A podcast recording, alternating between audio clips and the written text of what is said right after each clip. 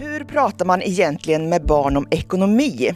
Vi har vid ett flertal tillfällen frågat några av våra gäster hur de gör, men ämnet tåls att tas upp fler gånger då många upplever att det är komplicerat.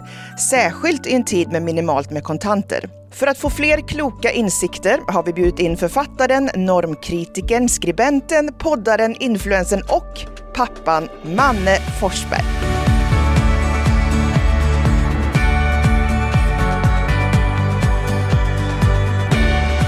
Välkommen till Shoppa Lagom, Manne.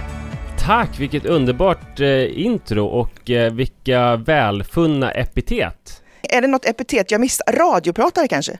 Ja, kanske. Nej, jag tycker du fick med eh, allt. Jag känner mig väldigt nöjd med det. Ja, vad bra. Du, eh, klockan är 9.06 när vi spelar in här idag. Hur har din morgon sett ut? Den såg ut så att eh, jag gick upp lite tidigare än vanligt för att jag skulle lämna bil på verkstad. Och då var det ganska svår logistik kring det där för att jag, eh, min fru skulle på konferens, hon gick upp ännu tidigare än jag. Och eh, jag skulle då hinna lämna bilen och hinna tillbaka och lämna barn i skolan i tid. Men sen så visade det sig att de hade ont i huvudet så att de fick stanna hemma. Så att det blev mindre kaotiskt än vad det skulle blivit. Ja, det var ju ändå skönt då. Okej, så att minsta lilla huvudvärk så måste man stanna hemma nu. Är det så? Ja, det är nog så. Och sen så är det väl så att kanske framförallt att barnen känner till att minsta lilla huvudvärk tas på allvar nu. De verkar ha det väldigt skönt här hemma.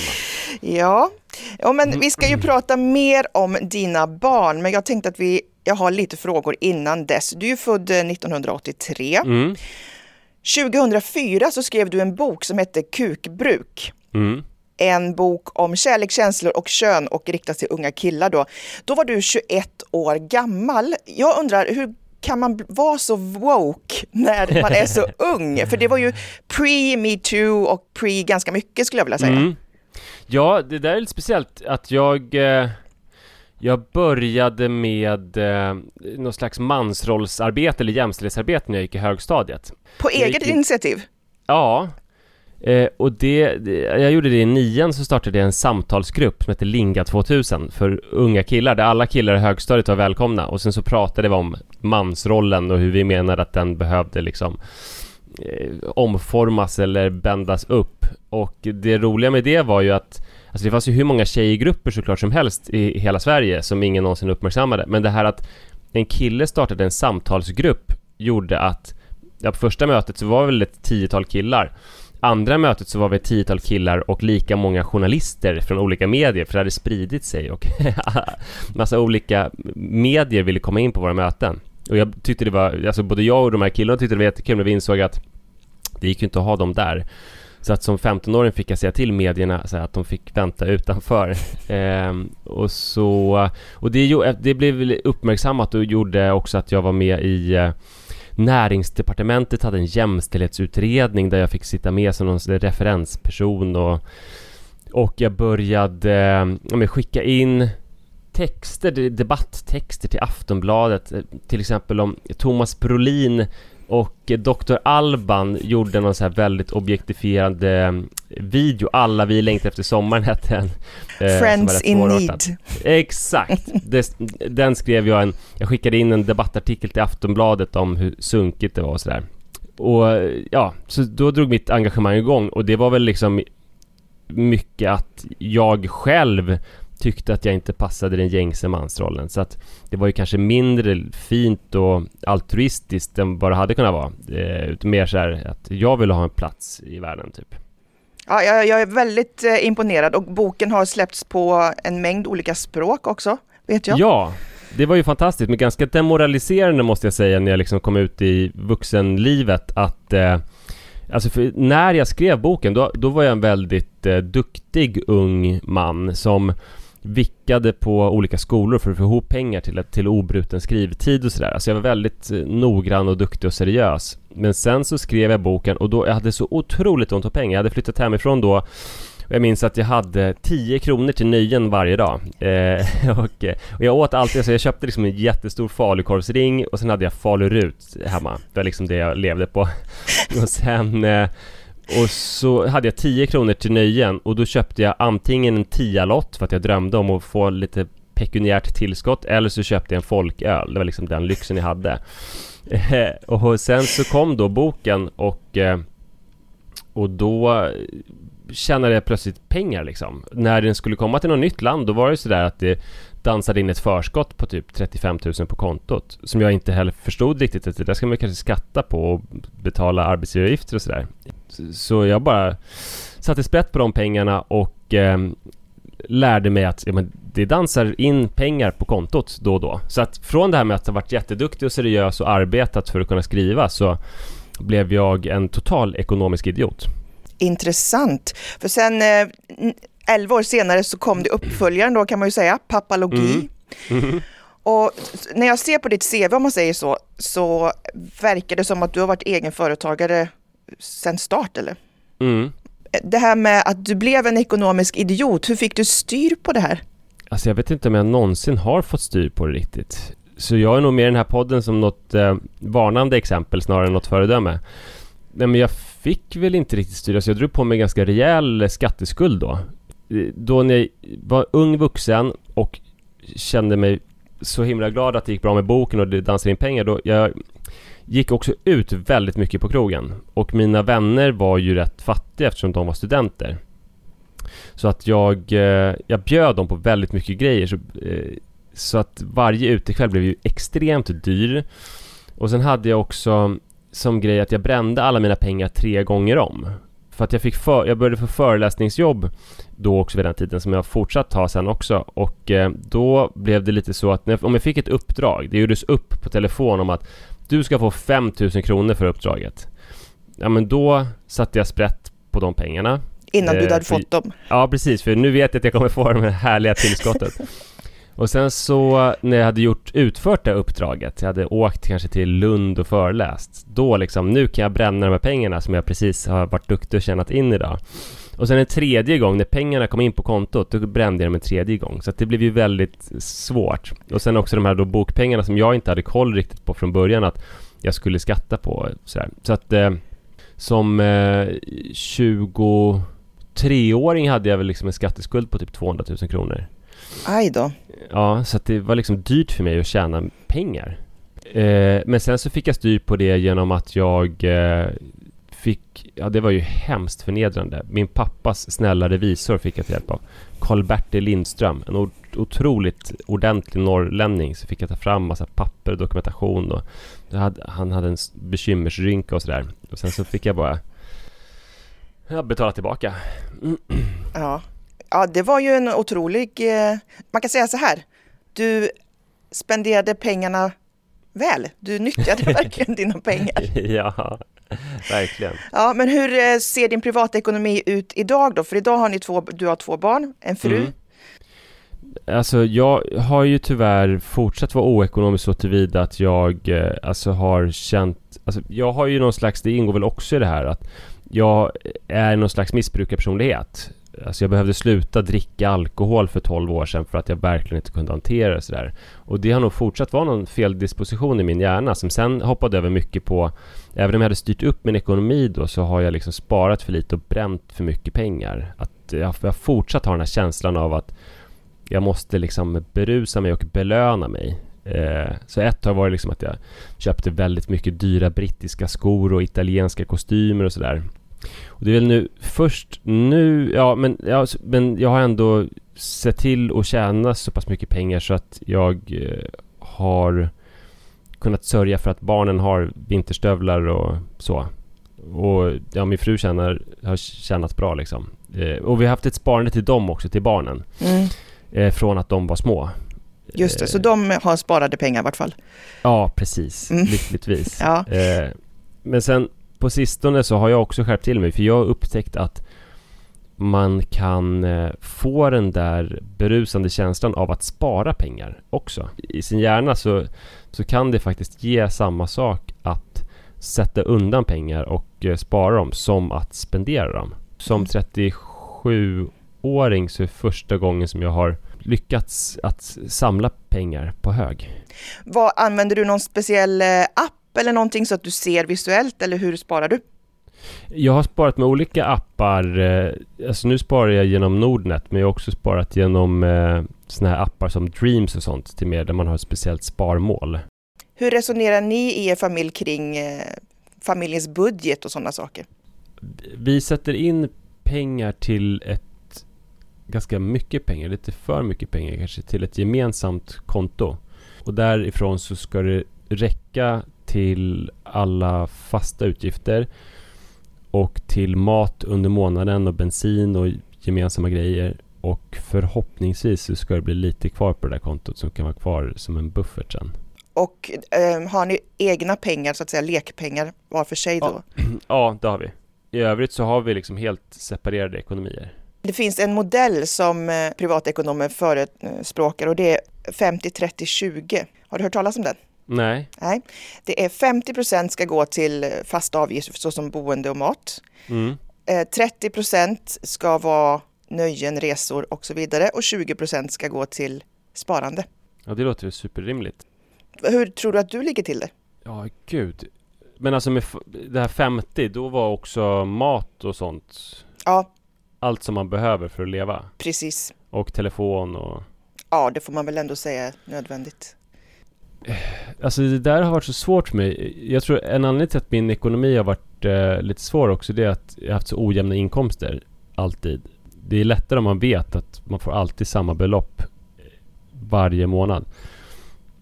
Men... Eh, äh, för, eh, alltså, jag, där avslöjar jag återigen min okunnighet. Jag har ingen aning om vad jag ligger för, för procent där faktiskt. Jag tror den där, där vi sätter av är lite mer än 50. Det är kanske 60. Jag kanske har legat på 60-40 ganska länge. Men mm. sen jag kanske legat på 60-30-10 och nu kanske jag ligger då på 60-20-20. Mm. Nu börjar det ordna upp sig.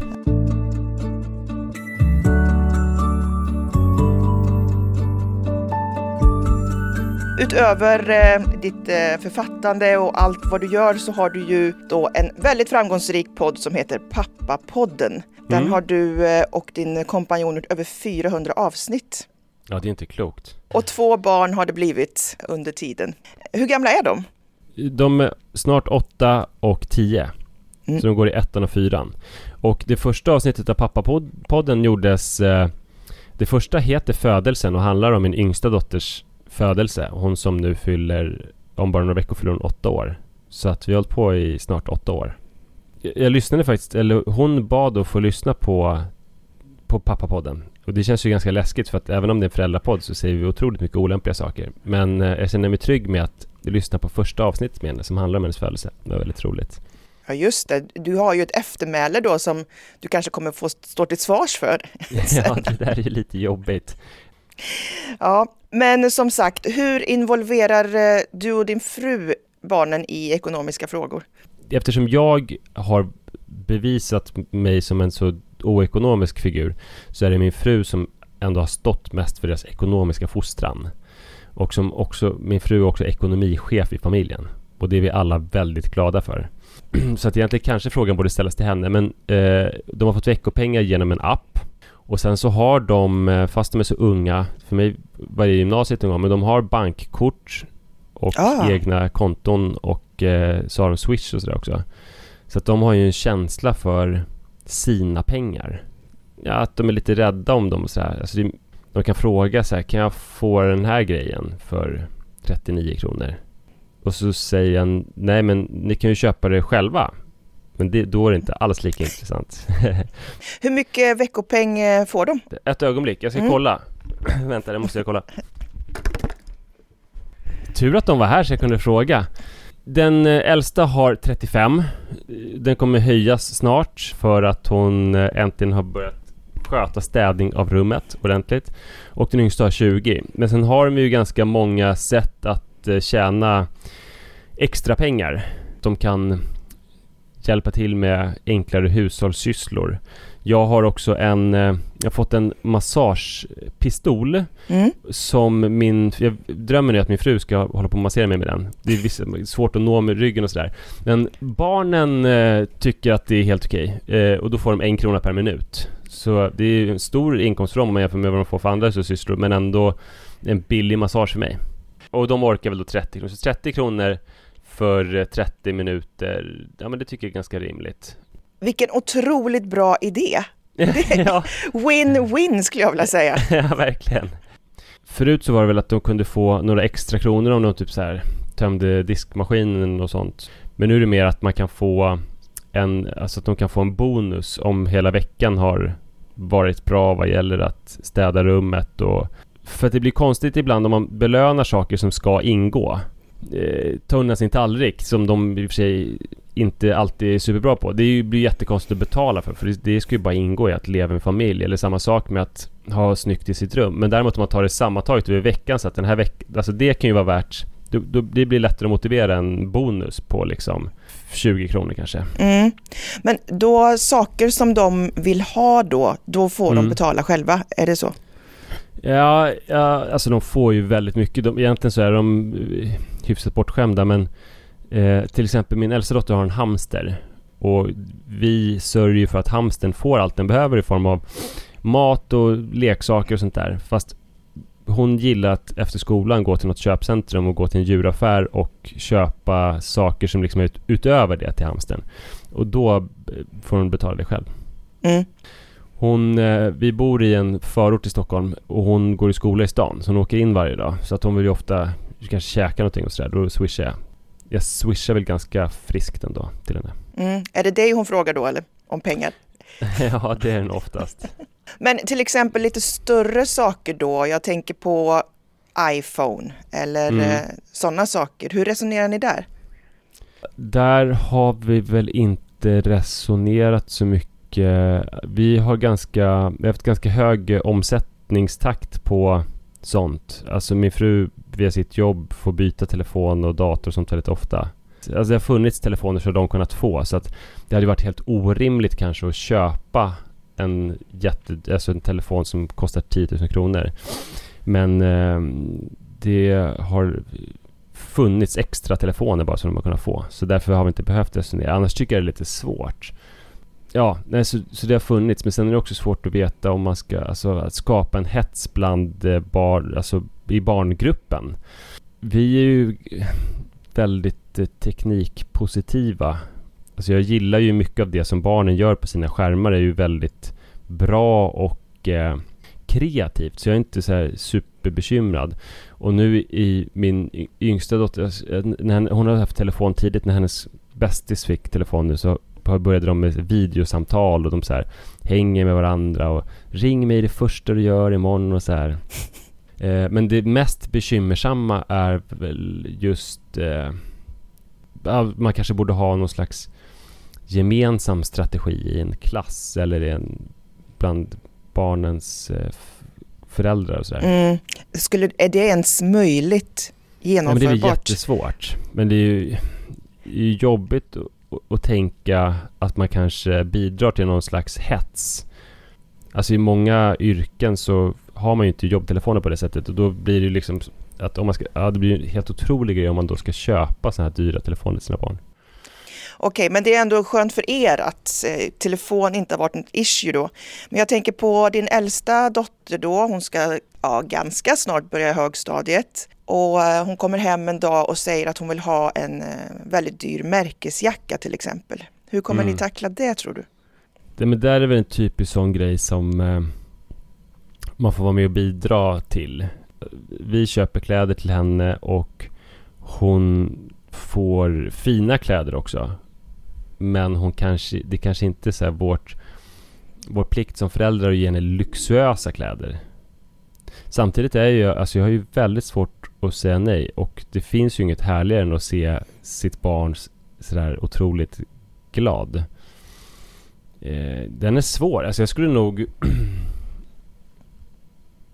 jag skulle, det skulle vara svårt att vara gubben mot strömmen. Du får aldrig ha några märkeskläder. Men det kanske skulle vara bra om man hade, gjorde en gemensam sak i det. Att hon då fick kanske bidra. Så att mm. det inte bara damp ner nästa dag. Utan att det ändå kanske tog en liten stund. Att hon fick kämpa lite för det. Mm. Men bland oss vuxna varje fall hos kvinnor skulle jag vilja säga, så pratar man mycket om, eh, alltså det blivit mer och mer inne att köpa second hand mm. och eh, sådana saker på kläder. Eh, är det någonting som ni pratar om med era barn? Att just kläder behöver man inte köpa nytt? Ja, alltså för vi själva köper ju och säljer på Blocket och Tradera och sådär. Min äldsta dotter har också börjat gilla att gå på Myron och så här. Mm. Efter skolan. Ja, så det tror jag att de vet. Alltså det var ju annorlunda. När jag växte upp så var ju det så här. Jag gillade att gå på UFF som fanns då. Men för min mamma var ju det liksom jättekonstigt. Alltså, du behöver inte göra det för att du kan få liksom nya kläder som luktar gott av oss. jag vill hitta originella saker. Eh, så där tror jag att vi uppmuntrar att hon vet att den eh, möjligheten finns. En annan svår grej som, alltså hennes eh, kusin, en av dem som är 12, en tjej. Hon älskar att shoppa och hon köper väldigt mycket på så här lågpriskedjor. Eh, för att hon vill ha kvantitet. Hon vill verkligen liksom kunna köpa mycket grejer. Eh, och där blir det ju svårt för att å ena sidan Å ena sidan så blir man ju jätteglad att Gud vad härligt att du kan köpa en tröja för 49,90 och eh, känner dig snygg i den och älskar den och inte behöva köpa liksom en 700 kronors tröja. Men samtidigt så kommer, då blir det en ny diskussion om hållbarhet och produktionsvillkor och sånt där också. Så det...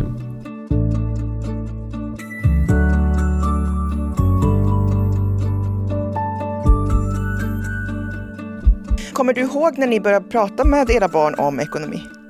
Ja, alltså det var väl eh, lördagsgodis. Från början så var det ju så att pengar, det gick direkt till lördagsgodis. Och när barnen blev lite mer avancerade sen ekonomiskt, det var ju när de inte köpte godis för alla pengar som de tjänade, helt enkelt.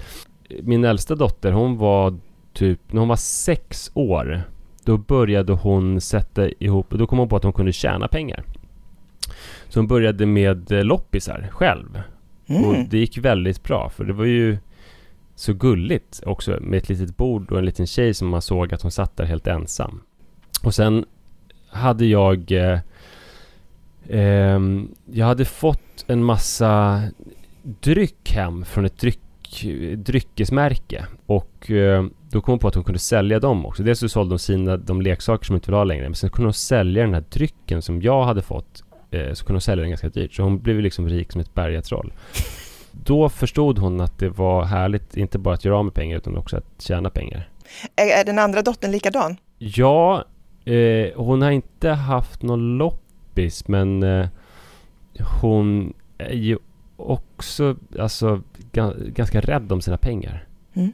De har ju förstått och snappat upp att jag är familjens ekonomiska idiot. Så när jag köpte en jul till en av mina cyklar så tog jag med mina barn och eh, jag var jätteglad. Visst är det underbara jul det här som vi åker hem med i bilen nu?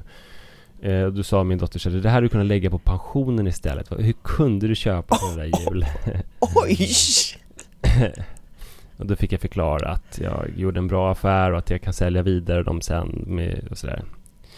Hur vet hon sånt? Ja men det måste ju vara att min fru antyder eh, för mig att jag ska spara mer till pensionen. ja, okej. Okay. Hur mycket sparar du till pensionen, Manne? Alltså jag vet inte ens om jag vågar säga det, för det är ju alldeles för lite, tror jag. Eh, men jag sparar tusen kronor i månaden till pensionen. Det är inte så lite ändå. Är det inte? Framförallt inte om du sparar på annat sätt också. Ja, nej, jag har, det är inte det enda sparandet jag har, nej.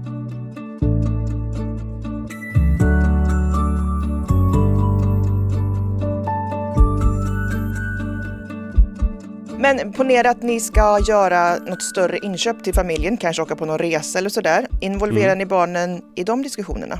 Nej, det gör vi inte.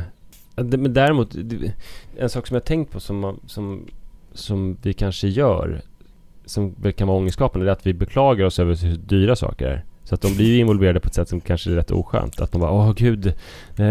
Alltså att man har någon slags ekonomisk ångest som de smittas av det kan ju också vara ett trick. Jag säger inte att ja, det är ett bra trick, jag säger bara att det är ett trick.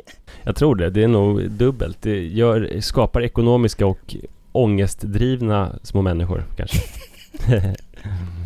Men det, jag, jag, kan tänka mig att om man aldrig pratar om någon slags eh, prislapp i familjen eller mm. ekonomisk ångest som du säger, då är det ju nog kanske svårare också för barn att förstå att mm. saker och ting kostar.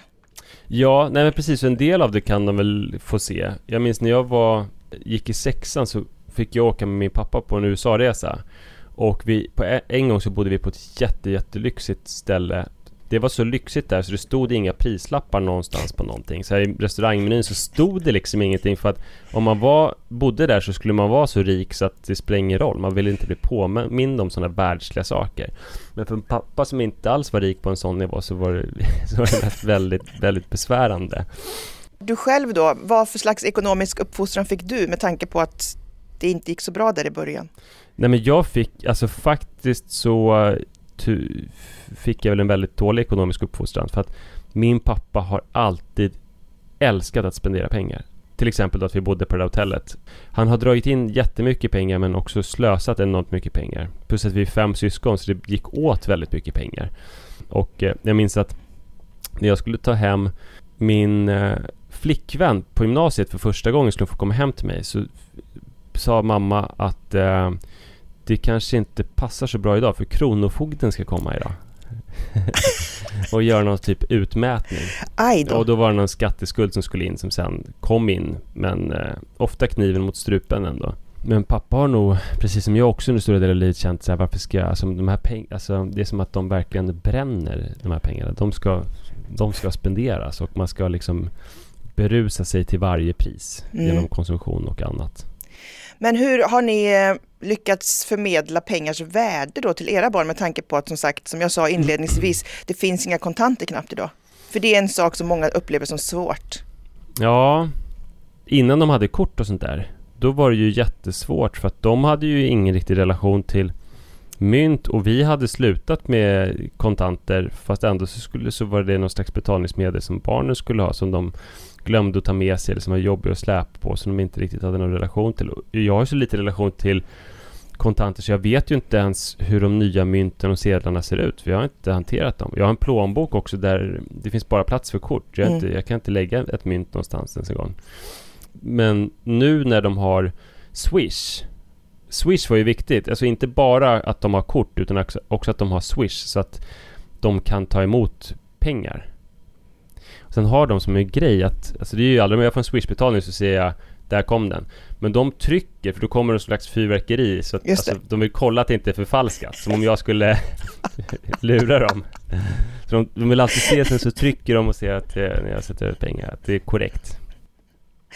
Men jag, jag tycker det var en väldigt eh, spännande idé det där att de har fått kort. För då blir det ju mer verkligt även för dem. Ja,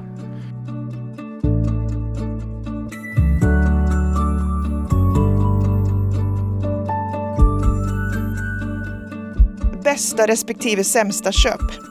Ja, bästa köpet det var, alltså när jag var sådär besatt av eh, fina brittiska skor så köpte jag ett par eh, på Blocket, ett par Church-skor som jag köpte för 300 kronor. Och de var lite för stora, men de var väldigt snygga så jag använde dem i kanske ett och ett halvt år tills jag kände att de här är för stora. Och så sålde jag dem för 1200 kronor. Det var riktigt bra köp. ja, så 900 spänn plus och jag använder dem ganska länge ändå. Och så där har jag gjort ganska många jag har sålt ganska mycket skor med vinst faktiskt. För att förut så fanns det en, skofirma som fortfarande finns, en brittisk som heter Pettyware. Och de hade en prisgaranti. Att om du hittar billigare någon annanstans, då får du det priset minus 5% hos oss. Mm -hmm. Och det som var så bra då, att det fanns en helt sjukt billig sida i Singapore som ingen visste ens om den var liksom riktig för de hade lite för bra priser. Men jag utnyttjade det väldigt mycket då, de här Singapore-priserna för att göra bra dealar i, på den brittiska sajten. Eh, så att jag kunde sälja skor med vinst, skor som inte var perfekta eller sådär. Ja, jag gjorde mycket bra skoaffärer faktiskt. Otroligt! Ja. Ja, och sämsta... Jag har gjort så mycket dåliga köp. Ja, men alla... Alla kläder som jag har köpt som jag sen inte gillar och har glömt att skicka tillbaka fast jag hade kunnat skicka tillbaka dem. Också dåligt köp, det är ju när jag fortfarande hyrde filmer, det klarade jag överhuvudtaget inte av.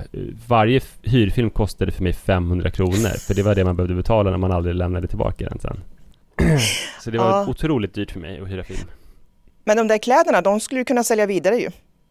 Ja, eh, det gör jag ofta men jag tycker det är svårt med eh, Alltså jag säljer mest så här skor och, och kläder som är superexklusiva för det är jobbigt med så här småskvättar Då brukar jag tänka till slut så här, om man säljer grejer för 75 kronor Det är så tidskrävande så tänk om man, om man liksom tänkte vad en konsulttimme skulle kosta Om man räknar ut så här, om man har tjänat så här 125 kronor på en timmes arbete med att packa och korrespondera med de här, så här, då blir det ju ändå ganska dåligt.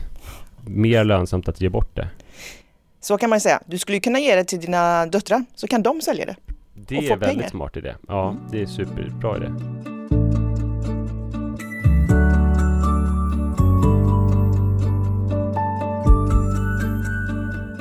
Slutligen då, dina tre bästa tips för en bra ekonomisk uppfostran?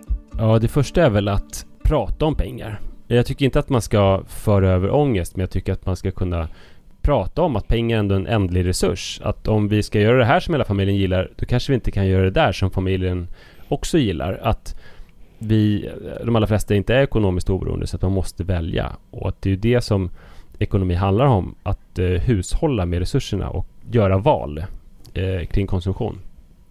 Det andra är att jag tycker att eh, man tidigt, eftersom vi har gått mot ett kontantlöst samhälle, så ska man så tidigt som möjligt se till att barnen får kort så att de kan ha en ekonomi.